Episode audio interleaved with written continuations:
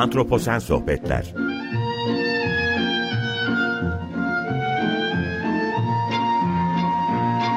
Hazırlayan ve sunan Utku Perktaş Merhaba, iyi akşamlar herkese. Antroposen Sohbetlere hoş geldiniz. Ben Utku Perktaş. Bugünkü başlığımız 35 yıl sonra yeni hayat Çernobil. Atlas dergisinden aldım ben bu başlığı. Ve şöyle devam edeceğim. Çernobil'de tarihi artık artık elementler yazıyor. Topraktaki son radyoaktif elementin etkisini yitirmesi on binlerce yıl sürecek. Radyasyon seviyesi 1986'dan bu yana önemli ölçüde azalsa da Çernobil hala dünyanın en kirlenmiş bölgelerinden biri. Bu da onu ironik biçimde benzersiz bir açık hava laboratuvarına ve siyah turizm gibi e, algılayabiliriz. Kara turizmin yıldız oyuncusuna dönüştürüyor. Atlas ekibi nükleer facianın 35. yıl dönümünde Ukrayna'nın kuzeyinde Çernobil dışlama bölgesindeydi diye bir alıntıyla Atlas dergisinden bir alıntıyla başlamak istiyorum.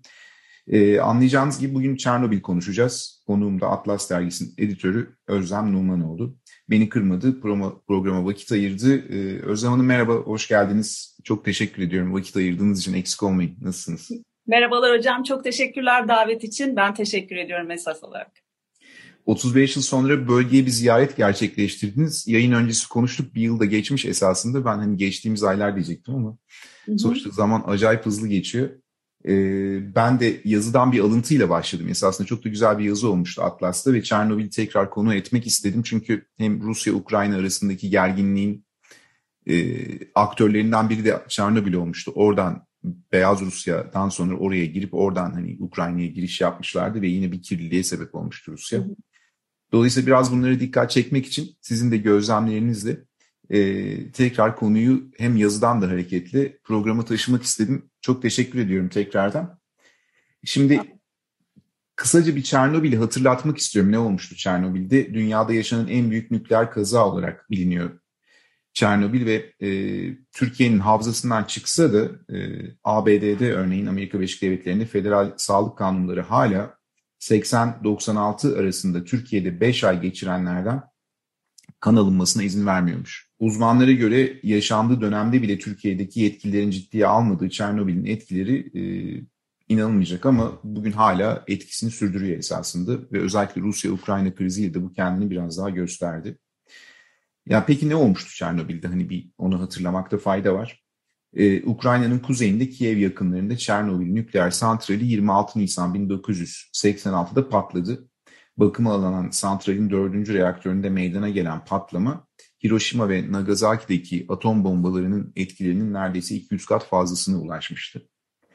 Ee, ilk anda patlamanın etkisiyle santralde görevli olan 31 kişi öldü. Sonra da Türkiye'nin de dahil olduğu yakın coğrafyada 10 yıllar boyu sürecek ölümcül bir felaketin devamı gelmiş oldu esasında.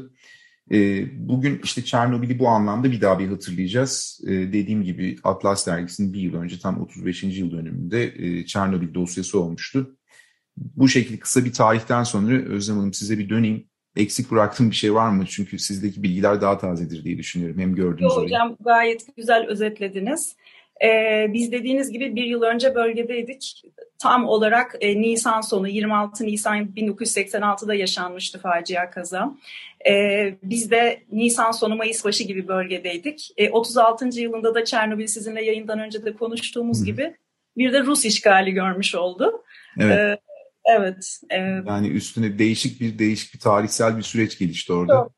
Çok ilginç. Evet. Ya şey şimdi yazıya bakınca e, başlangıç noktasını şöyle yapabiliriz aslında. Çernobil dışlama bölgesi denilen bir bölge var. Anladığım kadarıyla buraya çok ayak basılmıyor ya da ayak basılsa da e, insan yerleşimi yok. Dolayısıyla yaban hayatı da burada farklı bir şekil izlemiş durumda. Bu geçtiğimiz patlama sonrasındaki e, işte 40 yıllık süreç oldu galiba yaklaşık.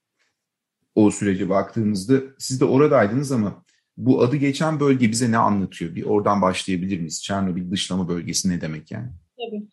E, Çernobil dışlama bölgesi e, Kiev merkezine, Ukrayna'nın başkenti Kiev'in merkezine iki saat e, mesafede bir bölge. Burası e, Çernobil nükleer e, santralini esas alan ve e, onun etrafında 30 kilometre çapında bir çember çizen ve dolayısıyla sadece Ukrayna'yı değil komşusu Belarus'u da e, sınırları içine alan çok büyük bir bölge Lüksemburg büyüklüğünde bir bölgeden e, söz ediyoruz Çernobil dışlama bölgesi dediğimizde. E, bunun sadece %10'luk bir kısmında insan aktivitesi var. Bu insan aktivitesi de tamamıyla santrale dönük. Santralin sökülmesi. Yani orası bir nükleer atık şu anda başlı başına. Bölgedeki son e, nükleer güç reaktörü 2000 yılında kapatıldı. Yani Çernobil kazası yaşandıktan sonra da Çernobil'de elektrik santral e, üretimi devam etti. E, bir enerji santrali olarak diğer reaktörler hizmet verdi. Fakat 2000 yılında kapatıldı. Dolayısıyla şu anda orada e, 6 tane reaktör var. Bunlardan 4 numaralı olan, e, en belalı olan, e, bugün üzeri bir çelik lahitle kapalı olan 4. reaktör. E, ona Onun içinde bir takım işlemler sürüyor ama sadece izleme amaçlı. Onun içindeki nükleer yakıta ulaşabilecek teknolojilere insanoğlu olarak hala sahip değiliz. Çünkü işte bir takım uçan vinçlerden söz ediliyor. Onun içinden nükleer yakıtı alabilecek robotik, uzaktan kumandalı robotik sistemlerden söz ediliyor. E, dolayısıyla orada sadece orayı bir e, izleme faaliyeti olarak bir beton lahtin içine e, üstüne bir de çelik lahit e, kapatılmış durumda. Dördüncü reaktördeki durum bu. Bir, iki ve üç numaralı reaktörlerin sökülmesi ve nükleer atık sahalarına e, nakledilmesi gerekiyor. Aynı zamanda yapımı hiç bitmemiş iki reaktör daha var. 5 ve 6 numaralı olanlar. Onların da aynı şekilde sökülmesi gerekiyor. Ve 2064 yılına kadar burayı bir gri leke diyorlar. Gri lekeye dönüştürmeyi amaçlıyorlar. Gri leke olduğunda e, tabii ki Çernobil temizlenmiş olmayacak. Çünkü orada toprağa çökmüş halde bulunan sezyum, stronsiyum, plütonyum gibi, plütonyumun yarı ömrü 25 bin yıl. E, 25 bin yıl boyunca e, o toprakta kalacak bir e, radyoaktif elementten söz ediyoruz. E, dolayısıyla onlar da e, diyorlar ki burası bir özel bölge olduğu için özel yönetimi var. Biz o özel yönetimden insanlarla konuştuğumuz zaman bize Çernobil'i temizlemek bir hayaldir dediler. Bu, bu bir hayaldir ve nesilden nesile aktarılacak bir görevdir. Bizim biz sadece küçük bir bölümüne katkıda bulunuyoruz.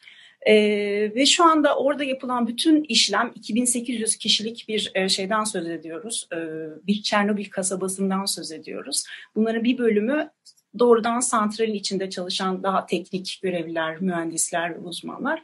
Bir bölümü de e, oradaki işte altyapı çalışmalarını, işçiler, çöpçüler, işte e, bir takım şeyler, e, su kanallarına bakan kişiler. Bir tür kasaba diyebiliriz. Marketi olan, spor salonları olan, yurtları olan ve oradaki insanlar vardiya sistemine göre çalışan 2800 kişilik bir bölge Çernobil dışlama bölgesi. Ee, bunun e, Çernobil nükleer santralini esas alan ilk 10 kilometresi içinde neler var? Nükleer santral var. Onun dışında kırmızı orman, paslı orman denilen e, ölen e, orman var. Yani ağaçların pas rengini aldığı kırmızı orman var. Pripyat kasabası var. Burası neydi Pripyat kasabası? Çernobil nükleer santralinin uydu kenti. E, yani Çernobil çalışanları bir zamanlar 1970'lerde kurulmaya başlanan bu kasabada yaşıyorlardı. Bugün bu tarumar edilmiş halde gördüğümüz o evler, işte o kreşler, burası Pripyat kasabası. Bu da ilk 10 kilometre içinde. Burada ayrıca e, santralden bağımsız olarak Sovyetlerin balistik füze erken uyarı sistemi DUGA e, bulunuyor. O müthiş metal duvar ormanın içindeki. E, bunlar ilk 10 kilometre yani en kirli noktada. Bunun dışındaki ilk 20 kilometre, e, diğer 20 kilometre içinde de eski yerleşimciler yaşıyorlar. Yani bunlar e, kazanın yaşandığı dönemde bölgede olan e, bugün çoğu 80 yaş üzerinde olan e, 100 kişiden söz ediyoruz. Biz gittiğimizde 100 kişiydi. Dilerim hepsi hala hayattadır hocam. E, ama artık o bölgeye tabii ki hiçbir yeni yerleşimci kabul edilmiyor. Hı hı. Çok kısaca ya böyle. Ben tam işte bu noktada şeyi soracağım. Şimdi e, yani bölgede yaşayan insanlar var sonuçta az da olsa. Ve bunlardan birisi de 1986 yılında e, kelime dağarcığına giren radyasyondan bahsediyor ve Svetlana Alekseyevich'in kitaplarından bir alıntıyla aslında o Çernobil duası. Ben de çok severim e, Svetlana Alekseyevich hem ikinci el zaman e, Çinko, Çinko çocuklardı galiba. O roman serileri çok başarılı.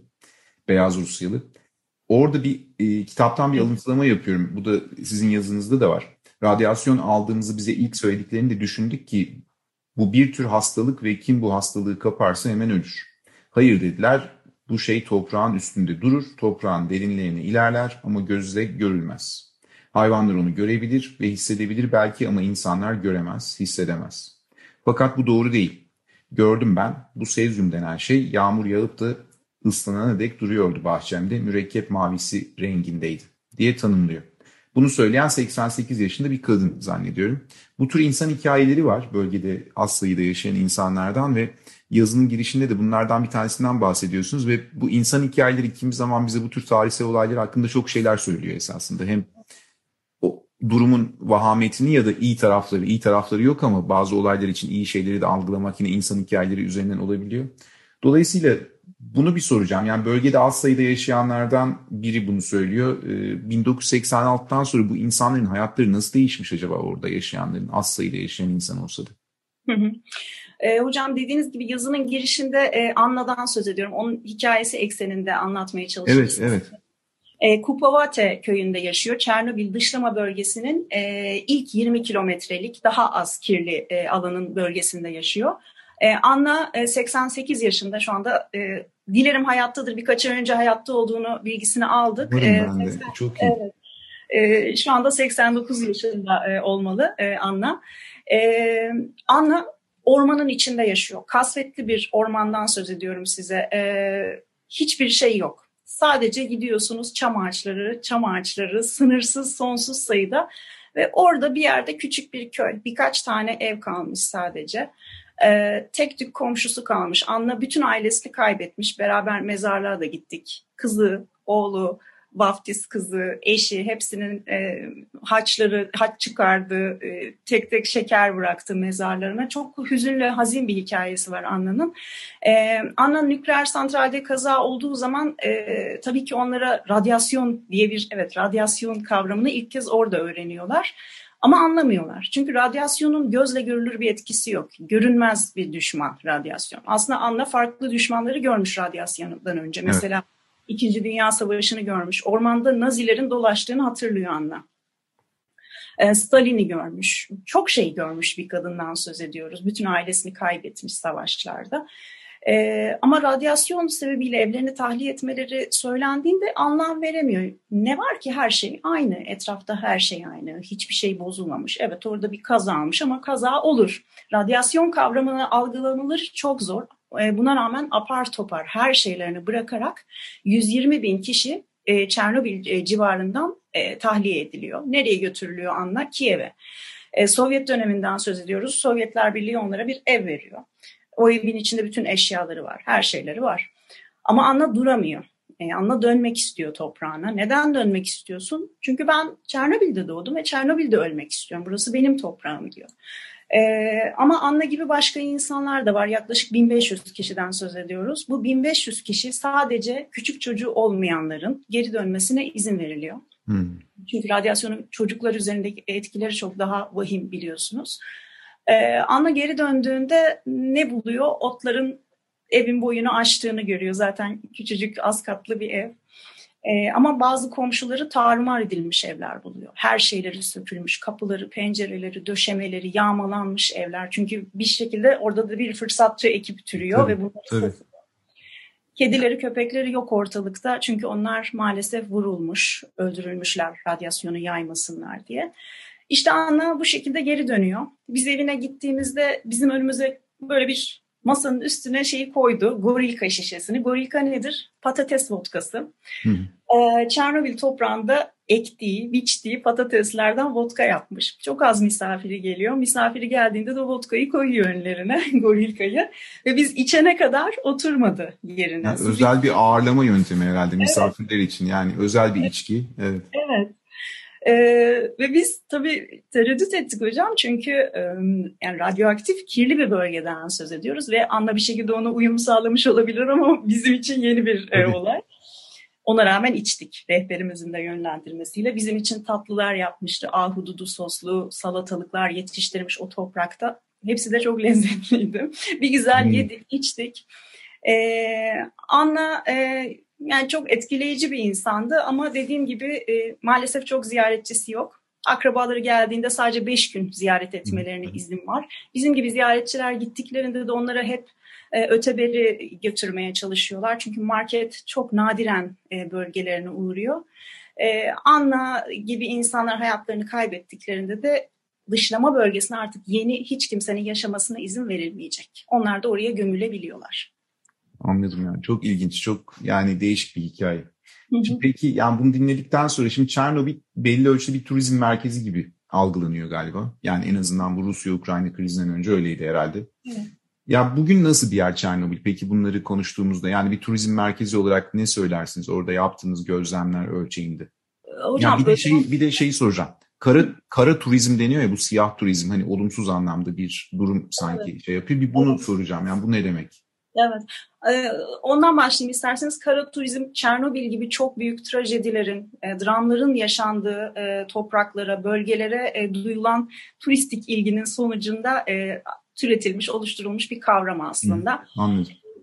Evet, e, şu anda Çernobil bir merak bölgesi, ilgi bölgesi. Pek çok insan oraya girmeye çalışıyor. Hatta şöyle söyleyeyim, yani bunun legal e, turistik yolları var ama bunun dışında stalker diyorlar. E, bir takım insanlar türemiş durumda. Hı hı. Örneğin gece olduğunda, karanlık bastığında bölgeye gizlice girip orada işte bir takım video çekimleri yapıyorlar. Bunları YouTube'a yüklüyorlar. Oradan bir takım şeyler alıyorlar. Yani orada her şey şu anda açık durumda. Yani bir kreşten bir defter alıp onu götürüyorlar. Bölgenin dışına hiçbir şey çıkarmamanız gerekiyor normal şartlarda. Onu satıyorlar internette. Yani böyle bir merak bölgesi. E, bunun legal yöntemini de kara turizm diyebiliriz özetle. E, Çernobil aslında uzun yıllardır e, turizme açık. Ama e, Çernobil dizisi bu HBO'nun e, Çernobil dizisinden sonra ilgi e, olağanüstü boyutlara ulaşıyor ve o yıl bölgeyi e, koronadan hemen önce 2019 yılında 120 bin kişi ziyaret ediyor. E, yani günde birkaç yüz kişiye tekabül ediyor. E, ya evet ben de izlemiştim diziyi ve ben de çok etkilenmiştim esasında. Evet. Yani, hani unuttuğumuz bir şeyi tekrar tarihi böyle gözler önüne seren ve çok da dramatik bir şeydi yani. Çok korkunçtu. Evet çok etkileyici bir dizi. Doğru söylüyorsunuz. Ee, şimdi yakın zamanda bir de Çernobil 1986 filmi çıktı. Ee, yani Çernobil'e olan merak ve ilgi devam evet. ediyor. Ee, ama tabii bu e, yoğun ilgi sonucunda orası Çernobil dışlama bölgesinin girişi e, bir turistik alana benziyor. Yani giriyorsunuz bir takım şeyler, dükkanlar, işte orada tasfiye görevlileri giydirilmiş cansız mankenler, hmm. e, dozimetreler satıyorlar. Bir e, kırmızı tişört vardı. Coca-Cola logosunu Çernobil yazmışlar ve üzerinde şey yazıyor. Çernobil'in tadını çıkar sonra ölürsün. Yani ah. bu yani işte turizm böyle bir şey biliyorsunuz. Dolayısıyla dram ve yaşam iç içe geçmiş durumda. Hmm. Öyle söyleyeyim. Yani bir popülizm iç içe geçmiş. Olayı çek, çekici hale getirmek için hani her türlü şey avantaj kullanılıyor yani. Kullanılıyor kesinlikle. Ee, şimdi e, diziden sonra bölgeye tabii çok fazla ilgi olduğu için e, bunu zannediyorum yazmıştım da yazımda. E, Çernobil dizisinin senaristi Craig Mazin bir tweet atıyor. Çünkü e, insanlar bölgeye gidiyorlar, bir takım yanlış şeyler yapıyorlar. İşte oradaki objelere dokunuyorlar, dokunmamaları gerekiyor. E, şöyle söyleyeyim size hocam en baştan. Çernobil'e girerken size bir bilet veriyorlar. Bu bilette diyor ki burası bir eğlence parkı değildir. Şunlara şunlara dikkat edin. Nelere dikkat etmeniz gerekiyor? Mesela kollarınız açık olmasın, bacaklarınız açık olmasın, açık alanda bir şey yiyip içmeyin çünkü e, radyoaktif toz yutabilirsiniz. E, gerçekten de e, dikkatli davranmanız gereken sağlık açısından bir bölgedesiniz. Orada etrafta bir sürü köpek göreceksiniz. Onları sevmek istiyor insan ama dokunmamanız gerekiyor. Çünkü gerçekten en olmayacak yerlere o Kızıl Orman'da, Kırmızı Orman'da dolaşıyor köpekler. Ve orası dünyanın en kirli yerlerinden biri. O hayvanda büyük ihtimalle radyasyon var. Tabii. E, hiçbir şeye dokunmamanız, bir şeyi toplamamanız, çiçekleri koklamamanız e, gerekiyor. Ve siz kaleminiz yere düşse dahi almakta tereddüt ediyorsunuz. Böyle bir bölgeden söz ediyorum. Ama kimi insanlar için burası e, bir tema parkı gibi davranıyorlar. Sanki Disneyland'de e, Çernobil temalı bir e, Disneyland şeysine e, gidilmiş gibi hissediliyor herhalde.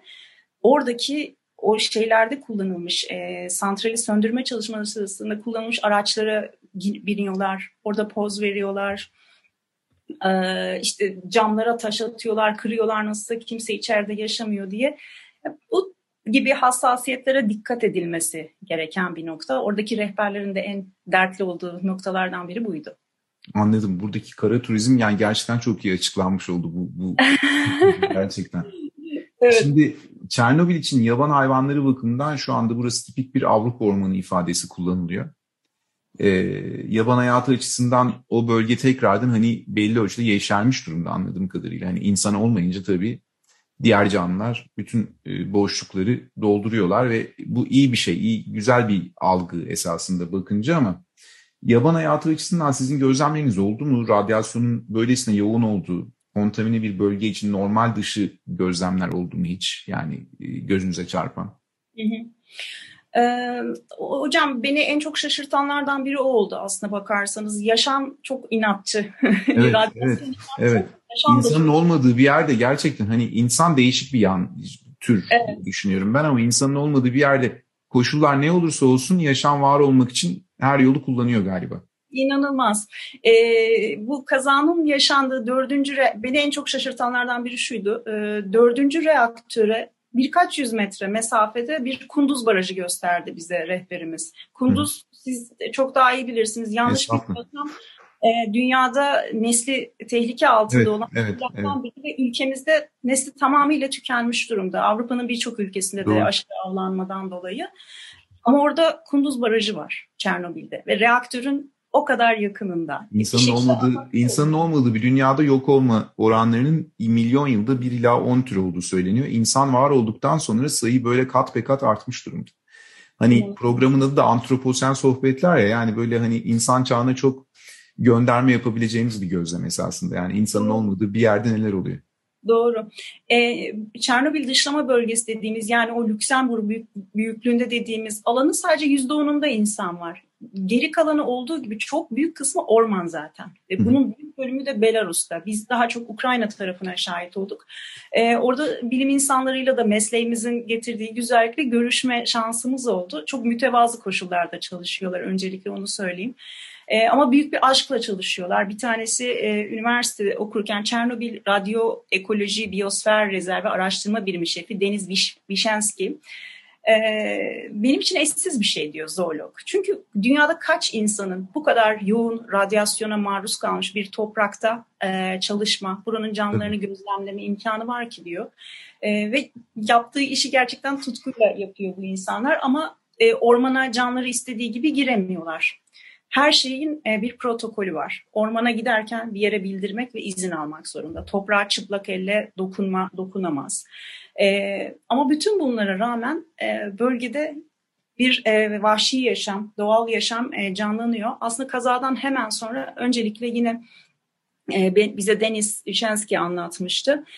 E, üç ay içinde nükleer serpinti e, oradaki ormanı, bugün Kızıl Orman denilen ormanı 3 e, ay boyunca nükleer serpinti etkili oluyor ve orman yavaş yavaş ölmeye başlıyor. Bir yıl içinde çam ağaçlarının tamamı ölüyor bugün o e, bölgede. Neden ölüyorlar? Çünkü e, işte klorofil sebebiyle klorofil üretimi durduğu için bir süre sonra pas rengi alıyor çamların iğneleri ve paslı gözüküyor bugün de orman. Sonra o ormanın bir bölümü buldozerlerle yıkılıyor ve gömülüyor. Yani orman tekrar toprağın altına gömülüyor ki çok fazla radyasyon yayamasın yol ağına diye. E, bugün o bölgelerde toprağa saplanmış üçgen biçiminde o bildiğimiz sarı renkli radyasyon uyarı levhalarını görüyoruz. Ve o ormanda radyasyon hemen dozimetrelerimizi camdan dışarı çıkardığımızda arabayla geçerken e, zaten çok durmamız tavsiye edilmiyor. Altı katına çıkıyor normal değerin altı katına. Bu kadar önlem alınması ve bu kadar yıl geçmesine rağmen. Ormanın derinliklerinde durum daha da vahim. Anlıyorum ya Evet. evet. Ee, bunun dışında e, neler var? Radyasyonlar, kazayı takip eden yıllarda öncelikle fareler bölgeden uzaklaşıyor. Sonra kuşlar uzaklaşıyor. Hatta yine Svetlana'nın Çernobil Doğası kitabında yazar arılar kovanlarından evet, çıkmıyor. Evet. Ulucanlar toprağın derinliklerine iniyor. Bu hayvanlar ne zaman geri dönmeye başlıyor? 3 yıl sonra. 3 yıl sonra yavaş yavaş bölgeye tekrar geldikleri görülüyor. Ve 90'ların sonunda e, büyük memeliler, geyikler, bazı geyik türleri ve kurtlar bölgede dolaşmaya başlıyor. E, fakat başka bir sorun baş gösteriyor. O otçullar, büyük otçular çok azaldığı için e, orman yangını riski baş gösteriyor. Çünkü o, uzun otları temizliğini yapan, yapacak hayvan yok. Bunun için 80'lerde Moğol atları, Moğol yaban atları getiriyorlar bölgeye. Bugün o atlar bölgeye uyum sağlamış durumda sürüler halinde yaşıyorlar. Oo. Özellikle Belarus tarafında e, sürüler oluşturmuşlar. Hatta biz gittiğimizde e, Polonya'dan Avrupa bizonu getireceklerdi. Yine bu e, ekosistem mühendisliği görevine devam etsinler diye. Fakat getirebildiler mi? Açıkçası son durum ne oldu o tarihten sonra çok bilemiyorum. Ama Anladım. Anladım. çok ilginç geldi bana. Çok çok ilginç gözlemler. Hı hı. Ya şimdi süremizi neredeyse tamamladık. Birkaç dakikamız kaldı. Çok güzel aktı yine. Ee, işte böyle oluyor. Yani farkına varmıyoruz. Ee, şimdi ben en son şeyi soracağım o zaman. En son olarak yani hani Çernobil'de yaptığınız gözlemlerden en etkileyici olan neydi bu ziyaret sırasında? Bununla bitirelim isterseniz. Tamam. Ee, hocam aslına bakarsanız dediğim gibi bir e, doğanın canlanışı beni çok etkiledi. E, ikinci olarak bu o kadar olumlu değil. Çernobil'deki e, bu olumsuz radyoaktif etkinin hala aslında ne kadar yoğun bir şekilde bölgeyi etkilediği e, beni çok şaşırttı. Çünkü şimdi biz zannediyoruz ki orası bir dışlama bölgesi oluşturulmuş ve mevzu kapanmış, oranın içinde bitti olay. Öyle bir şey yok. Bugün e, Çernobil dışlama bölgesi içinden Pripyat Nehri akıyor. Bu nehir ilkbahar yağmurlarıyla taştığı zaman e, etrafta ne kadar radyoaktif materyal varsa topluyor ve Ukrayna'nın diğer bölgelerine doğru akmaya devam ediyor. E, hatta orada bir bilim insanı bana söylemişti radyoaktif maddeler aktiftir durmaz rüzgarla yangında yaban hayvanlarıyla hareket eder diye.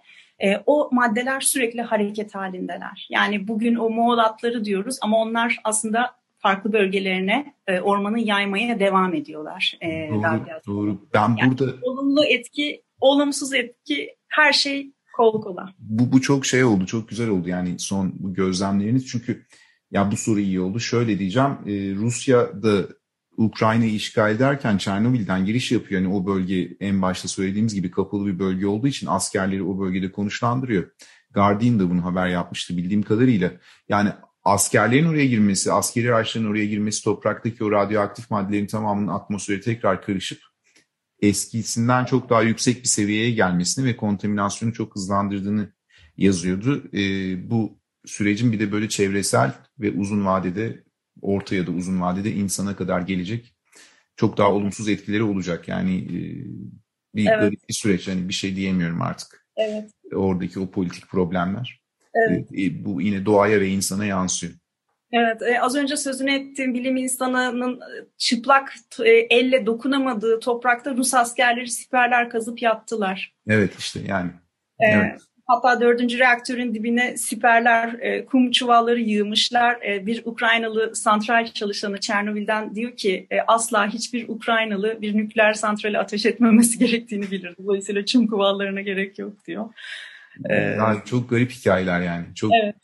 yani 36. yılında da böyle bir şey olması ayrı bir trajik bir durum yani. Evet. Evet hocam. Ben çok teşekkür ediyorum. Süremizi ben tamamladık.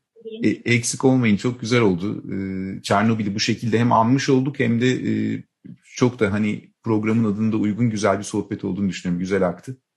Çok çok teşekkürler tekrardan. Ben teşekkür ediyorum hocam. Biz malum yazı insanıyız. Sürçülisan ettiysek affola. Çok teşekkür ederim. Hayır hayır çok çok güzel aktık. Ben çok teşekkür ediyorum. Bu vesileyle dinleyicilerimize de iyi akşamlar diyorum. Bugün konuğum Özlem Numanoğlu'ydu. Atlas dergisinin editörü ve Çernobil'i konuştuk. Ee, önümüzdeki günlerde tekrar benzer sohbetlerle beraber olacağız. Herkese iyi akşamlar diliyorum. Hoşçakalın.